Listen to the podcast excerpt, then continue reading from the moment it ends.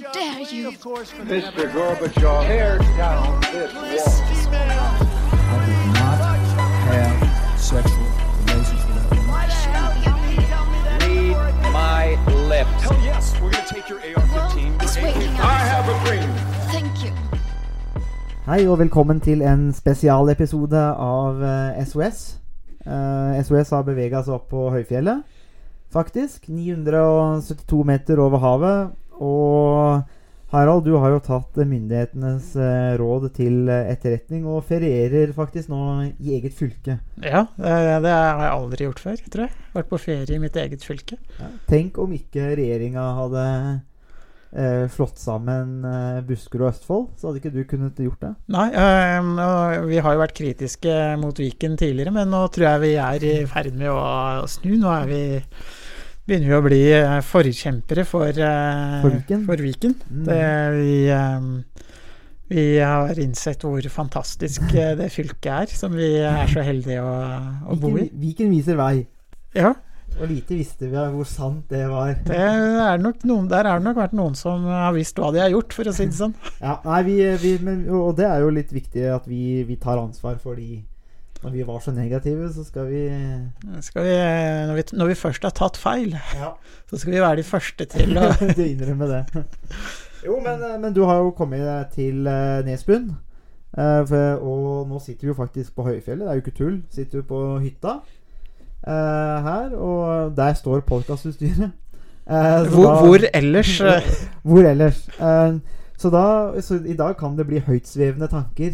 eh, Om det ikke har vært høytsvevende før, så Ja. blir det i hvert fall eh, bokstavelig talt høysve- høytsvevende tanker i, ja, eh, Jeg i dag. sitter jo litt med ryggen til, men, Harald, men du har jo faktisk utsikt til eh, Ja, til både Jotunheimen og Hallingskarvet. Hallingskarvet. Det er helt riktig. Det så er, eh, det lover godt. det er rett og slett panoramautsikt. ja, det er det. Så det er eh, Det det hadde jo ikke vært gærent å ha et kontor her heller. Absolutt ikke. Hadde, um, hadde jeg visst at vi hadde så flotte områder i, i vårt eget fylke, så skulle jeg jo uh, reist hit før. Ja, det er, Det er jo første gangen jeg er nord for Oslo, egentlig. Så Ja, det, ja men det, og det, er, det er bra at vi måtte få prøvd det. Men um, det var litt, egentlig litt uh, artig at vi får til den uh, podkasten her. Fordi uh, Ja, vi har jo ikke sett hverandre på måneder. Nei, men uh, det er jo eh, Vi, har- vi snakka jo faktisk litt om eh, å, å labbe inn i et lite naturreservat, så det skal vi gjøre seinere i uka. med hogstmaskin og, og lastbærer. Det er god sko, vet du. Eh, men, eh, men så tenkte vi jo at når vi skal på tur, så kanskje vi kan ta en eh, episode. Og så kommer det jo faktisk faktisk en sak eh, som er litt sånn spesifikt til Hallingdal. eh, og og som, som kom og måte falt i fang, og timingen er perfekt. Og du er jo avtroppende bonde, Harald. Det stemmer. Eh, og, og da blir det her liksom enda bedre. Eh, men, så da har vi en spesifikk case, og så kan vi prøve å løfte det opp på et litt sånn ja, eh, statsvitenskapelig nivå, eller analyse der òg. Men det er veldig interessant, for det er jo Vi liker jo å si at eh, i SOS at vi diskuterer dagsaktuelle emner, og det gjør vi jo. Men ofte kan det bli litt sånn eh, litt større ting egentlig òg. At vi ser liksom til Hongkong og Altså, det blir veldig sånn store demokratiske spørsmål, mens i dag så blir det litt mer sånn jordnært, konkret, er statsvitenskapelig, politisk, egentlig. Eh, og det handler om, eh, handler om Nortura, eh, om slakteri, og det handler om distriktspolitikk, og det handler om, eh, om arbeidsplasser. Og, og saken er jo den at eh, Nortura Eh, som vel er et, uh, altså et, et resultat av en fusjon mellom Gilde og Prior. Um, som er en ja, Det er vel et samvirke, er det ikke det? Jo. Ja, det er det. Så det er jo eid av uh, medlemmene. 18 000 medlemmer. Hvor uh, andelseierne er de som, som eier og driver uh, samvirkeorganisasjonen. Ja, og de har jo Altså, eh, eh, helt kort, hvis man leser hva de sier, så er jo det å Altså er jo formålet deres da å omsette medlemmenes slakt, egg, livdyr og ull på best mulig måte. Så disse andelseierne, da, som du snakker om. Ja, Ja. og det, det som er uh, et viktig trekk ved samvirkeorganisasjoner, er at de har som formål uh, å um, uh, betale ut en høy eh, pris per eh, kilo produsert vare til eh, andelseierne eller produsentene som leverer til eh, organisasjonen. Mm. Så formålet til samvirkeorganisasjonene er ikke å få et størst mulig overskudd, men høyest mulig utbetalingspris til, til eierne. Mm. Så det er, en, det er jo en privat økonomisk modell, på samme måte som et uh, aksjeselskap, Mm. Uh, hvor det er ulike eiere som skyter inn andelskapital. Mm. Men eh, det som er eh, en av de viktigste forskjellene, er at eh, istedenfor å maksimere overskuddet, så ønsker man å maksimere utbetalingsprisen til produsentene. Mm. Og Nortura er jo et slikt eh, samvirke. Det, det finnes jo ulike måter, type samvirker, og de sporer jo tradisjonen sin egentlig til 1800-tallet. Og og Coop er jo, et, er jo et annet kjent samvirke i Norge. Eh, og det, som sagt, kan, de, de styres etter noen prinsipper, men noen av de er, er jo av litt sånn forskjellig natur.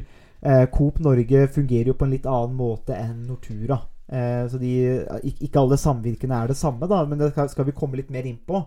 Men det som, har, det som skjer da i Hallingdal, og Hallingdal er jo en, er jo en fjelldal i, på Østlandet med ca. 20 000 innbyggere. Eh, og i en av bygdene, Gol, så ligger Nortura med, eller har Nortura et slakteri. Eh, ca. 80 årsverk, 80-100 årsverk. Og det sier seg sjøl at i en dal med 20 000 mennesker, så er en arbeidsplass på sånn røftlig 100 årsverk Det er egentlig en ganske sentral bedrift. Og så har det nå kommet eh, signaler om at Nortura vil sentralisere og rasjonalisere, nettopp som du sier da, Harald, og øke liksom ja, prisen, da, og hvor mye penger hvor mye som kan komme tilbake til eierne. Og vil da rasjonalisere, legge ned eh, slakteriet på Gol. Og at den slakta da skal gå til Rutshøgda, da, som blir sånn ca. to timer eh, kjøretur da, fra Hallingdal. Litt lengre vei, vei for dyra. Eh, og ganske mange tapte arbeidsplasser. Eh, så det er den konkrete saken som Hallingdal står i nå. At er- de står i fare for å miste der, disse arbeidsplassene. Og, og da var det jo også eh, I uka så Det har jo ført til visse altså demonstrasjoner, eller altså Ja. Eh, og folkesamlinger, Altså man har prøvd å samle seg på Facebook så vidt. Eh, eh, det er jo det det er, men det er en måte å samle folk på. Men det ble, var også en, en, en, en, eh, en seanse på Nesbuen eh, i forrige helg, hvor, hvor det, eller ja, forrige uke, hvor det var appeller fra stortingspolitikere og lokale politikere for å prøve å liksom samle troppene. Er det mulig å beholde disse arbeidsplassene? For det er så mange, da. Så det er den konkrete situasjonen, øh, og vi har allerede vært inne på dette med, med, med, med, samvirkene. Eh, vi kan jo kanskje ta litt av historien til samvirkene, bare sånn, og det, gi den historiske konteksten til samvirkene og samvirkene i Norge. Så hva Hvis du har lyst til å starte på den igjen, Harald. Hva, hva, hva, er det, hva, er det, hva, er det, hva er det vi trenger å vite om samvirkene og som modell? Ja. Eh, noe av det som kjennetegner eh, eh, landbruket, eh, og på en måte jord, altså landbruks... eh, eller de markedene som, eh, som bøndene leverer og selger til, er at det er mange små produsenter. Eh, og ingen av de produsentene har noen form for eh, er store nok til å ha noen form for innflytelse på pris og selve eh, altså tilbudet og etterspørsel og hvordan markedet opererer. Og det som har vært, vært en utfordring eh, tidligere, er at mange bønder da har opplevd at de har fått en lavere pris for produktene sine enn det de eh, kanskje er ment har vært en riktig pris, og det som kanskje har vært nødvendig for å dekke kostnadene. Og det er også litt med at man i andre enden har hatt relativt få og eh, store eh, grossister og eh, avtakere av de produktene som, eh, som landbruket har produsert. Ja, så de har hatt ganske mye makt. Ja, så det har vært en, en, en asymmetri Ja. eh, mellom eh, eh, primærprodusentene, altså bøndene, som har levert eh, slakt og melk og andre produkter. Mm. Eh, og det, det eh, førte til at mange bønder, eh, og det her går helt tilbake til, eh, til 1800-tallet, hvor man fikk de første samvirkene, hvor bøndene da bestemte seg for å gå sammen Mm. eh, om å etablere eh, samvirkeorganisasjoner eller kooperativer Mm. eh, som skulle kjøpe produktene som de produserte, og selge produktene da videre til andre grossister eller butikker eller eh, andre kund, kunder. Mm. Eh, og, så det var begynnelsen. Og det her er jo også noe som har vært eh, som, som skjedde i mange både europeiske og vestlige land eh, samtidig. Eh, og kooperativene vokste og fikk eh, større betydning. eh, og spesielt utover på, på 2030-tallet Mm. så fikk man en, en, en vekst i oppslutningen rundt eh, samvirkeorganisasjonene. Da var det en eh, periode med mm, svak lønnsomhet i jordbruket som hang sammen med den økonomiske depresjonen Ja. som man var inne i eh, på, på 30-tallet. Mm, Det var jo flere jordbrukskriser eh, på 20- og 30-tallet. Og det som er artig, da, nå som vi er i Hallingdal En halvveis liten digresjon, men du er jo nå på besøk i et av de største pelsdyrdistriktene i Norge, eh, faktisk. Eh, og Hallingdal Pelsdyralslag eh, var veldig stort. Eh, og det som er litt sånn spesielt, er jo det at eh, det var faktisk pelsdyrnæringa som fikk store deler av Hallingdal ut av jordbrukskrisene på 20- og 30-tallet og depresjon, for de kunne selge pels. Eh, og blant annet så slo jo Olav Thon seg opp på pelshandel. da Eh, Det er noen myter knytta til det, men, men, men, men, men det var faktum. da Og i Ål, der han kom fra, så var det veldig stort. At eh, Det var jo reelle kriser, og man måtte, måtte ta noen grep. Så det var bare noen Ja, og det som ganske var alvorlige tider, da. Det som, er, det som var litt med, med pels, er jo pelsdyrnæring, er jo at det, der har det jo ofte vært Så det er en produksjon hvor du får, får kontanter i, i relativt eh, På en måte raskt inn, da, i forhold til kanskje andre produksjoner hvor du har en mer sånn et direkte eh, kjøp-salg-forhold mellom, eh, Mm. mellom produsent og, um, og kunde gjennom de ulike auksjonene. Mm. Eh, Så um, samvirkeorganisasjonene vokste og fikk større oppslutning gjennom de økonomiske krisene som både jordbruket og resten av samfunnet var, eh, gikk igjennom på, på deler av 1900-tallet. Og så kom man til eh, perioden etter andre verdenskrig, hvor det var stort behov for å bygge opp økonomien. Og i den eh, perioden etter andre verdenskrig så, mm, så fikk eh, samvirkeorganisasjonene en enda mer dominerende mm, rolle i, eh, i eh, landbruksindustrien. Mm. Eh, ved at de, eh, de fikk ansvaret for å regulere de ulike markedene. Mm. Så det innebar at det som er Nortura i dag, de fikk ansvar for å eh, lagre kjøtt hvis det var overskudd, og de måtte da regulere prisene i, i, i markedet. Mm. Og de hadde et spesielt ansvar for å regulere prisene, og de hadde også da et, en mottaksplikt. Eh, produsentene eh, kunne da, eller de hadde en, en plikt overfor produsentene til å ta imot det kjøttet som, eh, som ble produsert. Mm.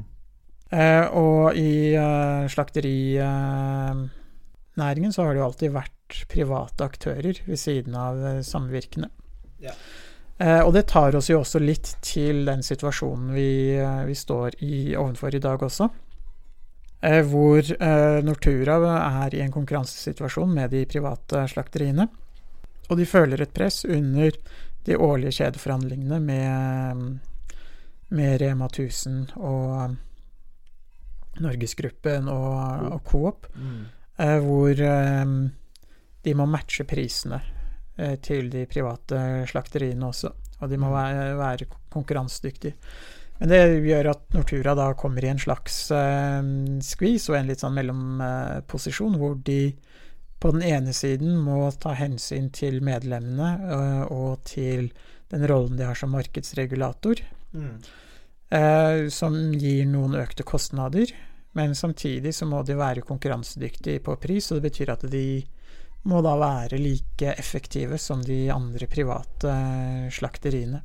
Mm. Og det er jo noe av det som er bakgrunnen for den situasjonen som Nortura står oppe i, eller står foran i dag, og spesielt slakteriet da på, på Gol. Ja, det er jo det de var, det de, var en, sånn, en, sånn, en slags uh, jevn uh, beskjed som kom ut fra de, var jo det at du liksom Kjøp Nortura, etterspør Nortura i butikkene, fordi at uh, det blir, er på en måte et signal til butikkene og kjedene om at de ønsker Nortura-produkter. Og det blir jo akkurat det du sier nå, om at uh, den konkurransen er så hard, og den, eh, liksom, den litt av den der markedsmakten, eller sånn som du nevnte i stad, til grossistene eller kjøpmennene òg, den eksisterer jo på en måte i, i Norge òg. For vi har, sånn, vi har jo litt sånn konkurransevridd dagligvaresituasjon med bare tre store, og Asko som nærmest fungerer som en sånn eh, Standard Oil-situasjon i USA, hvor de dominerer store deler av markedet. Så det er jo uten tvil den skvisen eh, eh, som vi er inne på, eh, og inne på i dagens situasjon. Eh, ja, men tilbake til det med samvirke. Vi, men vi har jo fortsatt eh, samvirker i Norge. Coop, eh, Nortura. Eh, og Harald, du er jo bonde. Eh, hva er, eller avtroppende bonde. Hvordan, hvordan fungerer eh, samvirkene i dag i Norge? Eller hvordan er posisjonen til de ulike samvirkene i dag? Hvis Ja. Du ser det fra innsiden. Ja, her eh, blir det den, eh, den utilslørte sannheten. Nå Ja. kommer, eh, kommer avsløringene. Så da er det De spisser ørene. Ja, da er det bare å, å lytte spent.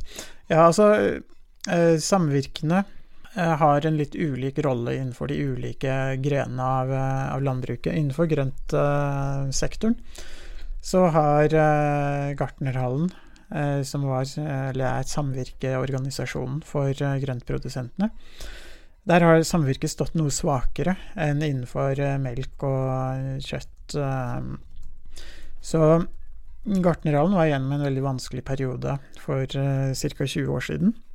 Som gjorde at de, eh, de egentlig mistet en del av den posisjonen de, eh, de hadde tidligere.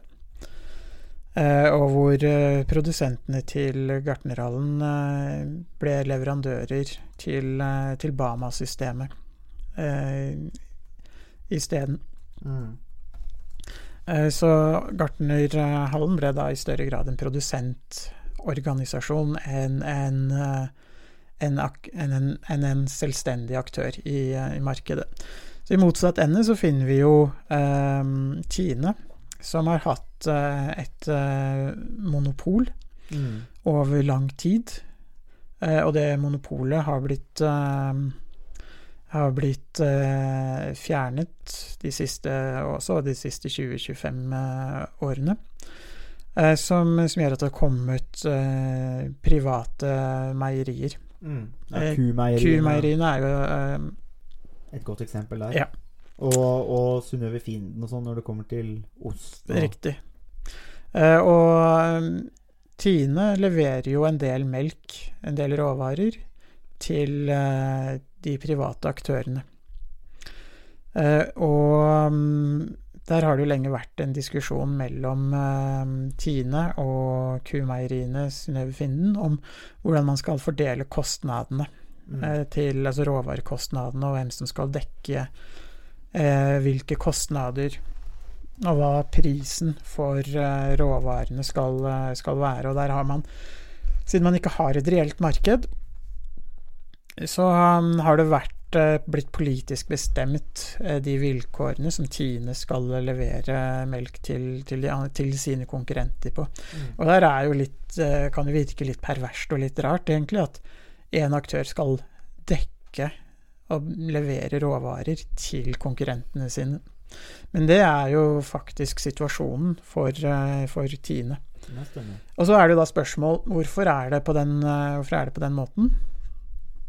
Eh, hvorfor er det, er man, liksom, hvordan er det man har endt opp i en sånn situasjon eh, hvor man faktisk eh, har de litt sånn rare forholdene mellom ulike konkurrenter i et, eh, et marked. Sånn som innenfor grøntsektoren så har jo produksjonen alltid så har poteter, grønnsaker, frukt og bær alltid vært hatt et tyngdepunkt i mer sentrale strøk. Jæren, Oslofjordområdet, Mjøsområdet og deler av eh, områdene rundt Trondheimsfjorden. Eh, Så der har man alltid vært, hatt en mye, et, mye, et mye tydeligere markedselement, og det har også vært mange mindre grossister som man har kunnet levere til. Så der har, av ulike årsaker, så har ikke samvirketanken eh, stått så sterkt innenfor grønt-sektoren. Men det som gjelder en del av de andre produksjonene, spesielt innenfor kjøtt, de ulike kjøttproduksjonene og meierisektoren, er det at en stor del av produksjonen har foregått i distriktene. Mm. Så Tine har da hatt eh, foredlingsanlegg, altså meierier, i, distrikts, eh, i distriktene. Eh, og de har da hatt et ansvar for å ta imot all melk som har blitt produsert i, eh, i hele Norge. Så det har bety betydd at de må ha eh, mottak, eh, meierier, i alle landsdelene. Mens da de private aktørene da kunne ha eh, etablere seg i de mest attraktive områdene hvor det er store produsenter. Eh, kort transport eh, mellom eh, produsent, slakteri. Kort transport eh, fra slakteri til de store markedene. Eh, og da blir det en slags Og det, da er det også hatt muligheten til å betale en høyere pris. Og tradisjonelt sett så har eh, de private slakteriene f.eks. betalt en høyere pris enn det Nortura mm, har gjort. Så det har gjort at de har kunnet tiltrekke seg store, rasjonelle produsenter i sentrale eh, deler av landet. Mm. Mens da eh, Nortura og Tine har hatt et ansvar for å ta imot eh, kjøtt og melk eh, fra mm, alle eh, gårdsbruk i Norge. Så det som har vært noe av frykten, har vært at hvis man ikke har samvirkende, hvis man ikke har mottaksplikten som samvirkene i dag har hatt, og den nærmest monopollignende situasjonen som har eksistert, i hvert fall innenfor meierisektoren, eh, så ville vi sett en mye større sentralisering av eh, norsk landbruk. Mm. Så det har vært, vært frykten innenfor landbruket. Og da ville det rasert Distrikts-Norge. Mm. Så eh, det man er redd for, er jo da at når Nortura ønsker å legge ned på et sted som, eh, som Gol, som eh, kan defineres som det man kaller eh, for Distrikts-Norge, i hvert fall i, eh, i Oslo-området. Ja, to, to timer og 20, det er nok. Det er nok. Mm. Eh, så, så er man redd for at det er en, et ledd i den rasjonaliseringsprosessen og den, det noen vil kalle en rasering av eh, Distrikts-Norge og distriktslandbruket, og at det fører til en sentralisering av produksjonen. Men er det, er, det, er det da riktig å Jeg tenker, Sånn som du beskriver den situasjonen, er også den som jeg har hørt fra, eh, fra bønder. Eh, det der med den mottaksplikten. Og det kan, jo, det kan jo virke som at kanskje en del av de private selskapene er i stand til å operere i en slags nisje som det samvirket pga. mottaksplikten måtte muliggjøre. da. Eh, men, men er det den, men når du da knytter opp mot det der med, med distriktspolitikken og sånne ting, er det ja, hva, hva, hva tenker du som er, Trenger vi samvirkene måte, for å overleve?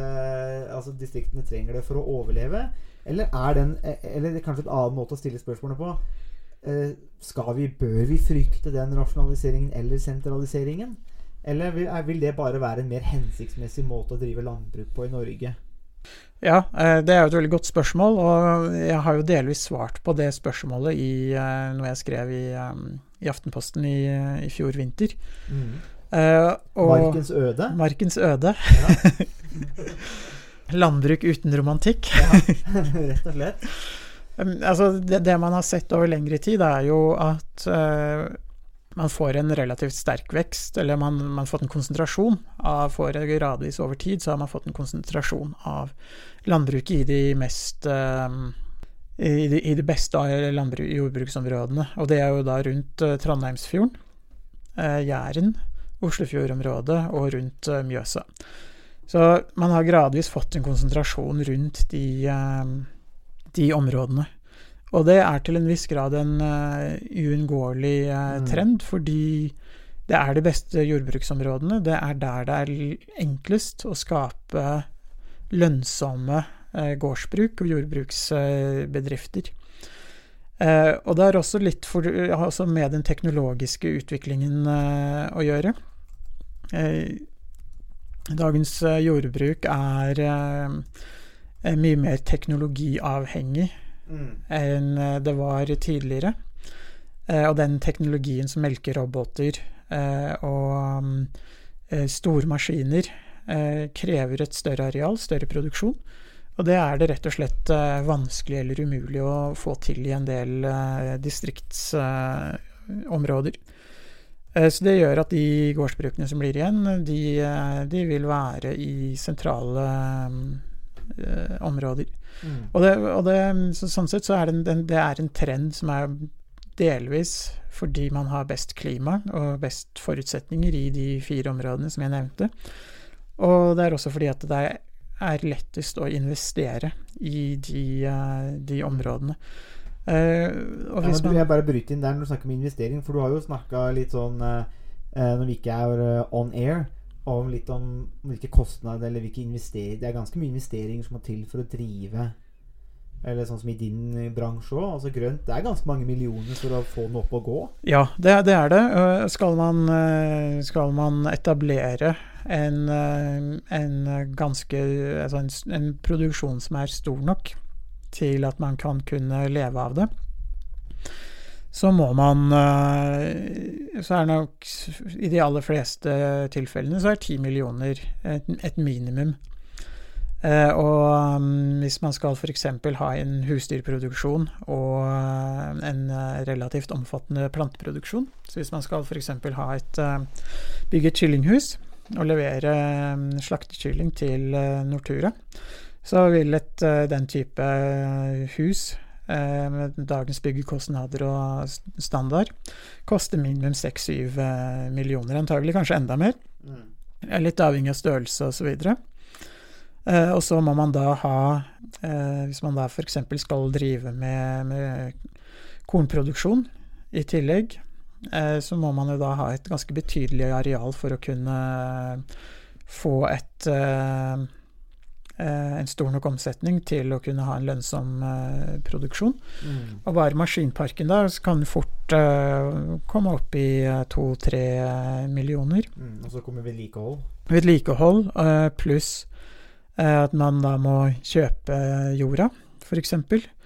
Eller eventuelt leie jord, i tilleggsjord. Eh, Så da er man fort oppe i 10-15 eh, millioner, eller fort 20 millioner, og da er man og det, det som er det jeg tenker er et viktig poeng å få fram, er at for mange av de eh, landbruksbedriftene som satser i dag, så eh, snakker man om så store summer at det er egentlig ikke riktig å kalle det familiebruk i den mer tradisjonelle forstand som vi har brukt det begrepet. Mm. For når man investerer 10-20 millioner, som eh, langt fra er eh, uvanlig eh, i dag, så innebærer det at man tar en ganske stor risiko, og at man befinner seg egentlig mer i det som kan defineres som små og mellomstore bedrifter. Mm. Når man ser på eh, hvor mye som investeres, hvor mye arbeidskraft som, som kreves, så er man det man som defineres som en små og mellomstor bedrift. Mm. Eh, og da har man jo også en omsetning som er tilsvarende. Ja, jeg tenker jo eh, også For du har, jo, du har jo erfaring med å etablere eh, en relativt stor eplegård, i hvert fall i norsk standard, så er den ganske solid. Uh, så du veit jo på måte litt hvor, hvor kostnadene ligger. Og så tenker jeg at uh, hvis vi knytter det opp til de samtalene vi har hatt før om selvbergingsgraden i Norge, og hvor, hvor sjølberging i Norge handler ikke om korn og siloer. Det handler om å supplementere med, med ganske mye annet, da, annet frukt og grønt, som er ting vi må importere, og frø og alt sånne ting. Når du da legger den kostnaden, da, hvis du plutselig skulle begynne å ta sjølbergings Den har jo for, for øvrig bare daua helt etter, eh, etter første korona-friend sin. Da er ikke VG og Aftenposten-kommentatorene like opptatt av selvberging som om det bare var aktuelt i én måned. Men det sier kanskje litt om hvor kortsiktig folk tenker. Ja, det er det sånn mediene fungerer. Det, Ja. Men det gjør jo ikke vi i SOS. Vi prøver å trekke de lange linjene. Men jeg tenker, når vi, når vi faktisk gjør det, da, og du legger fram de kostnadene basert på egen erfaring, eller av egen empiri, som vi kan, Kan- eh, løfte ja. opp til å kalle det, så, så tenker jeg at Ok, og så må Hvis vi skal øke sjølbergingsgraden til et nivå som gir mening, så er jo det på frukt og grønt. Og når du da begynner å legge ut de kostnader, det er det ganske store kostnader for samfunnet. Det er ikke bare sånn Ja, altså, det handler om ganske mye mer enn eh, Det blir veldig fort komplisert, og det blir veldig fort veldig dyrt. Ja, og så er det også det med at skal man investere, så for de aller fleste så innebærer det jo en, at man må låne betydelige beløp. Eh, og skal man eh, få lån, så må man også ha sikkerhet eh, som banken kan, eh, er villig til å gi, eh, gi lån. Og det er jo noe som er lettere å få på en landbrukseiendom i sentrale strøk enn et, eh, Ja. et lite gårdsbruk i uh, det som kalles Distrikts-Norge. Så der igjen så, så ser man at uh, når investeringene blir så store, uh, så er det et ekstra insentiv til å så- eller Som gjør det lettere å, å bygge opp en, en stor produksjon, en levedyktig produksjon, i de, de sentrale landbruksområdene. landbruksområdene. Og da er det litt sånn, og da er det for Nor- Nortura mye lettere å legge ned et relativt eh, lite anlegg som det som ligger i, eh, i Gol, kontra eh, de anleggene de har eh, på Rudshøgda, Tønsberg, andre Ja. steder, eh, Hærland, eh, Mm. på Jæren osv. Så, videre. så da, da, får man en logikk og en, et system eh, som, som drar i én retning. Ja, jeg tenker en serie med spørsmål som vi kan gå inn på der, eh, som jeg sitter med. Eh, vi trenger ikke bruke altfor lang tid på å svare på alle de, men jeg, jeg, tror gir eh, jeg, jeg tror det er en rød tråd i de. Så, for nå har, du, har jo du stilt fram på en måte den logikken eh, og sånne ting. Så for Nortura da, til å overleve eh, og mange, og de, har jo, har en grei omsetning likevel, da, på 23 milliarder kroner. Eh, Me- Det er mer enn uh, gården min, i hvert fall. ja, li- litt. En milliard eller to. Det er så vidt. så vidt. Uh, men, men eh, for noen vil jo si at ok, Nortura er veldig viktig. De har, altså, du, du, du har på en måte eh, plikten som kommer med den, eh, altså den samvirkemodellen deres. Eh, er da svaret å kanskje kvitte seg med andre aktører? Altså jeg, for, at, for at Nortura er veldig viktig. Den, de tar for seg mange småbønder. Småbønder er veldig viktig for Distrikts-Norge. Vi må opprettholde arbeidsplasser. Er da løsningen å rett og slett si at eh, de eneste som skal slakte i Norge, det er Gilde og Prior? Er det, er det en løsning? Ja, det er jo én løsning. Eh, og det er jo den situasjonen man hadde innenfor meierisektoren. Eh, og det, det er absolutt en, eh, en, en mulighet. Det, det er jo i Det er jo et stort uh, spørsmål Eller det er, det er jo, et, det er er stor uenighet om uh, om det er lurt eller ikke. Men det er klart, hvis svaret på spørsmålet ditt om det er en løsning eller et alternativ, så er svaret på det er jo kort, kort og godt ja. Mm. Uh, om det er en god løsning, det er jo et annet spørsmål, og det, der er det, jo stor, eh, det er det jo stor uenighet om. Mm. Men uh, at det er en løsning, det er fullt mulig. Det vil jo ha noen ulemper. Ja, det vil også ha en kostnad. Mm. Uh, det kan bety dyrere matvarer. Mm. Uh, og man må jo da kompensere de private aktørene når de, når de blir i, da i praksis kjøpt opp Mm. av Nortura. Mm. Og så er det jo også et, det er jo et prinsipielt spørsmål. I et uh, åpent, liberalt, demokratisk samfunn skal det ikke være mulig å drive mm, som eh, som drives med slakterivirksomhet eller meierivirksomhet. Mm. Eh, er det altså hvor, Hvorfor altså er det, det er jo en viss Man har jo et prinsipp om næringsfrihet i utgangspunktet. Mm. Og det vil jo potensielt kunne bryte med det prinsippet om, eh, om næringsfrihet. Så det, er, det vil være et veldig stort og litt vanskelig spørsmål å, Ja, for, ja, og jeg tenker jo- og, og på en annen måte, for oss som da ikke har noe bein i, i jordbruket, så er jo Nortura en samling av private små og mellomstore bedrifter. Så det blir jo blir, blir, ikke, blir det ikke da som å favorisere én form for privat aktør overfor en annen? Det er bare at det, den ene kommer med en plikt, da. Ja, og det er jo argumentet fra samvirket at ja, jo, Mm. på den ene siden så har vi en privilegert posisjon, men vi har også en, Eh, det medfører også relativt store kostnader, ekstra Ja. kostnader som de private aktørene ikke, ikke har. Mm. Så når det er overskudd av um, lammekjøtt, som det har vært, eh, svinekjøtt, som det har vært over flere år, så har jo det innebært at Nortura har eh, måtte fryse ned en del av det kjøttet. Ja. Og det er jo selvfølgelig en stor, eh, stor kostnad å fryse ned eh, og lagre kjøtt over eh, lang, lange perioder. Mm. Um, så det slipper jo de private. Men samtidig så kan man også si at hvis man hadde hatt en lang rekke private aktører, kanskje man ikke ville endt opp i den overskuddssituasjonen i utgangspunktet. Fordi da ville produsenten produsert det de Ja. kunne selge, og det som markedet kunne, kunne kjøpe.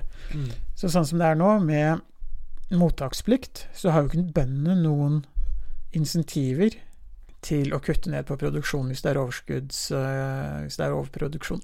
Mm. Så eh, man kan jo selvfølgelig bruke pris eh, som virkemiddel for å redusere produksjonen. Men samtidig så er det jo Det, det tar jo lang tid, fordi det, når man eh, Altså Storfekjøtt tar det jo fort et par år fra en kalv blir født til den blir slakta. Eh, så det, det vil jo kunne det, tar veldig lang tid. Mm. Eh, Så det er ikke så lett å regulere produksjonen opp eller ned. Eh, Så, så her er det veldig mange, mange ulike forhold. Og så er det jo det med at um, en stor del av kjøttproduksjonen i Norge foregår jo i distriktene.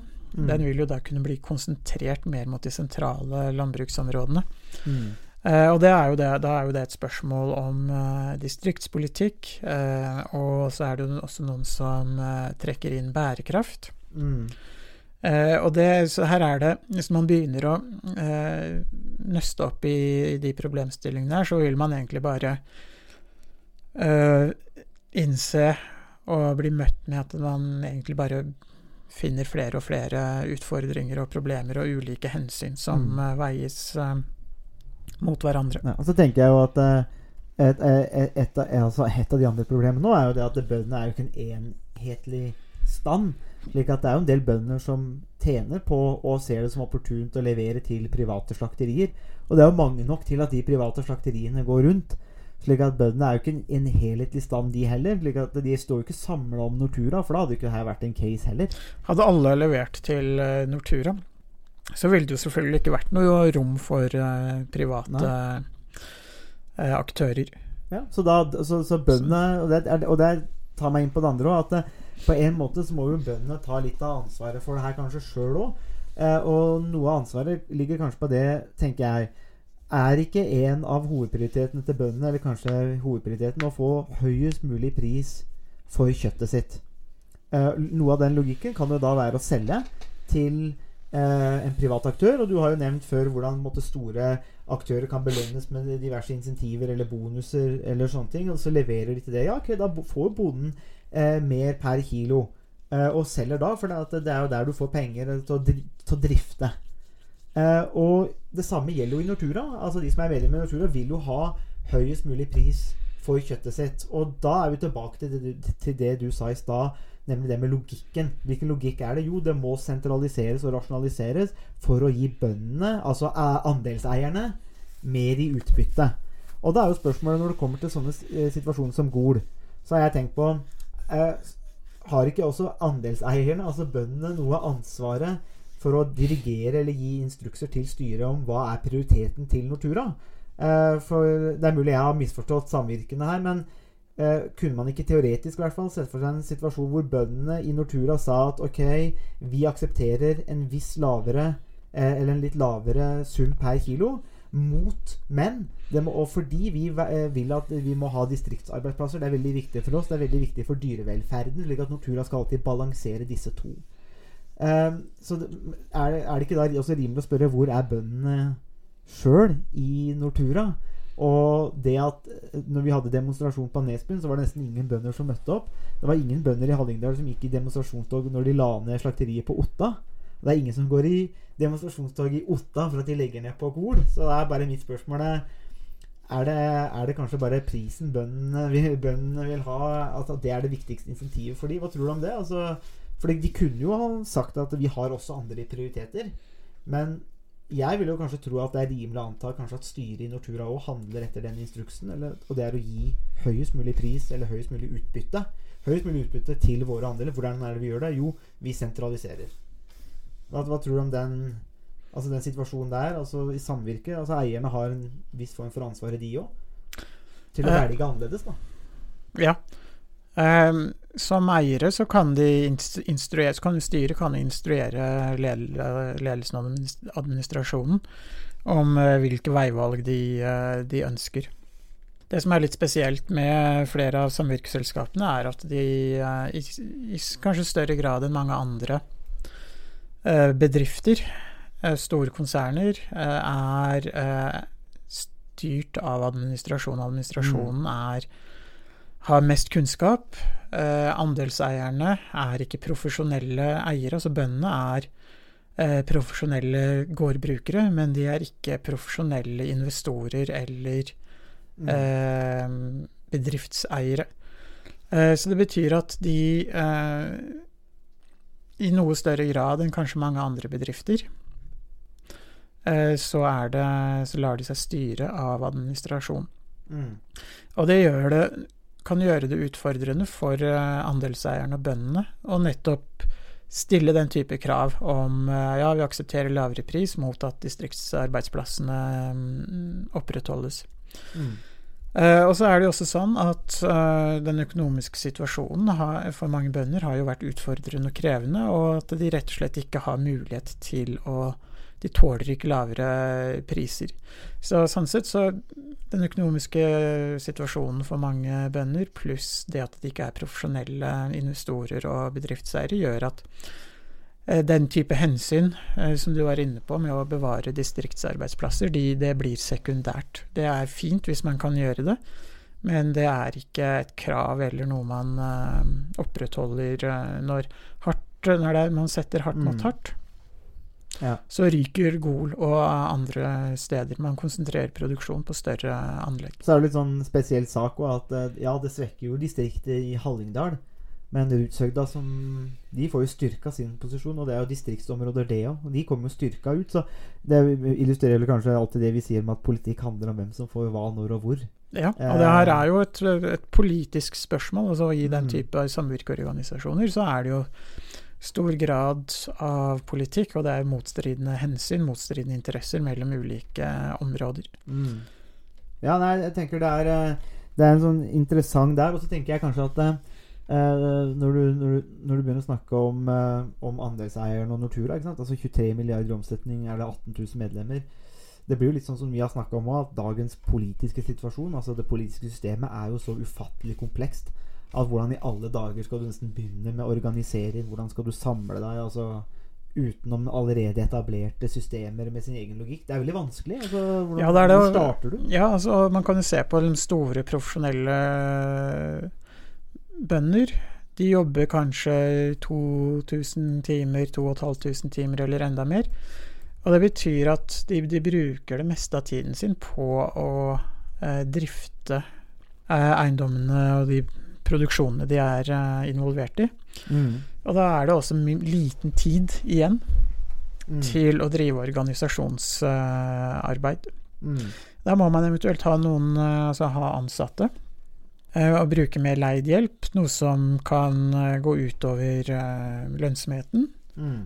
Og det gjør det også da mer krevende å engasjere seg politisk, eller som eier, da, i, eh, i samvirkeorganisasjonen. Mm. Det står jo i noen av de et av prinsippene som er, ligger til grunn for eh, samvirker, at det, det er demokratisk kontroll med de styrende organene, for at hvert medlem har én stemme. Men uh, uh, det er jo kanskje sånn som det står på papiret. Ja, det er jo sånn som det er i vårt uh, demokrati... Altså, Stemmer teller, ressurser avgjør. Ja, det er nettopp det.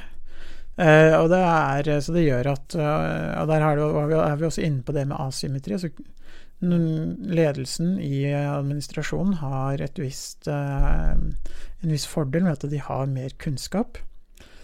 eh, de, er, eh, de har mer kunnskap enn det eierne har, og de har lettere for å manøvrere Mm. i det medlemsdemokratiet. Mm. Ja, jeg tenker jo at det blir en vanskelig situasjon. Jeg vet ikke hvordan du Altså, jeg tenker jo at den det, når, du, når du beskriver den logikken sånn som du gjør, så tenker jeg at det er jo nesten umulig for eh, altså sånne steder som Gol å beholde eh, arbeidsplassene. Og det er jo, det er jo veldig trist eh, og lei, for det, det påvirker jo Det får jo veldig store ringvirkninger. Det er jo ikke bare at du, det er 80 som ikke får jobb. Det er jo for det første kanskje 80 årsverk over på Nav, som er en byrde på det offentlige systemet. Men det er familier uten inntekt, familier uten arbeid. Eh, kanskje noen eh, Det er mange der. Altså, det går utover så mange liv, da. Eh, og i et lite lokalmiljø så er jo det ganske alvorlig, for det er ikke så lett å få inn nye arbeidsplasser. Og da kan man jo snakke om entreprenørskap og små og mellomstore bedrifter så mye man vil, men noen men det, er- da er vi tilbake, det er litt enklere å få til små og mellomstore bedrifter i Oslo eller i de bynære områdene, men hvordan får man til det i distriktene? Det er Ja, ikke ja. sak. Nei, det, det er veldig komplisert. Og hvis man henvender seg til forbrukermarkedet, så er det jo relativt få kunder. eh, Og Hallingdal med sine 20 000 innbyggere er jo ikke stort større enn en bydel i uh, en mellomstor by uh, i Norge som Fredrikstad. Mm. Uh, Så det er, det er et relativt lite marked spredt over store avstander. Og det, det gjør det krevende å henvende seg til forbrukermarkedet. Og hvis man henvender seg til industri- og eh, bedriftsmarkedet, så er det jo også utfordrende, fordi det er relativt få bedrifter som, eh, som er i eh, i umiddelbar nærhet, og da vil det innebære høye transportkostnader, reisekostnader Mm. hvis man skal selge i andre områder. Eh, Så det gjør at eh, det er my veldig mye mer krevende å etablere næringsvirksomhet i eh, den type områder som, som Hallingdal enn Mm. om man f.eks. ligger i Asker og Bærum, hvor man har nesten kanskje to millioner potensielle kunder innenfor en time halvannens eh, kjøring. Mm. Ja, nei, Vi får se hvordan det blir. Vi kommer sikkert tilbake til det her eh, temaet, vil jeg tro. Uh, fordi at, eh, og særlig eh, hvis vi fortsatt driver på til neste år, Harald. eh, ved disse Ja, hvis vi ikke blir lagt ned, eh, hvis vi ikke blir rasjonalisert bort. Hvis ikke vi er rasjonalisert bort ved HiØ, eller kanskje bare Harald og jeg, som er rasjonalisert bort, og vi gjør podkast om et års tid, så kan, eh, da er det jo nesten valg til neste år. Så da kan det jo hende at med Senterpartiet og den grønne vinden som eh, til dels blåser over landet, at vi eh, må diskutere landbrukspolitikken. For det er jo tross alt eh, kan jo bli en viktig kampsak, og, og, og med distriktene, og i hvert fall hvis det legges ned.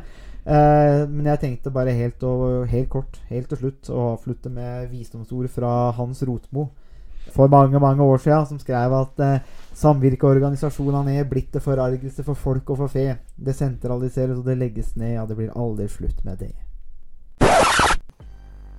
Det var det vi hadde å by på i denne ukas episode av Statsvitenskap og sånt. Musikken er komponert av Robin Horvath, og Thomas Colato står for miksing og redigering. Du finner oss på Facebook, bare søk på statsvitenskap og sånt. Der kan dere komme i kontakt med oss hvis dere har spørsmål eller kommentarer. Der finner du også aktuelle artikler, videoer med mer. Vi setter pris på om dere liker sida, og deler den med andre som dere tenker vil ha glede av å høre på podkasten. Vi change is coming whether you like it or not.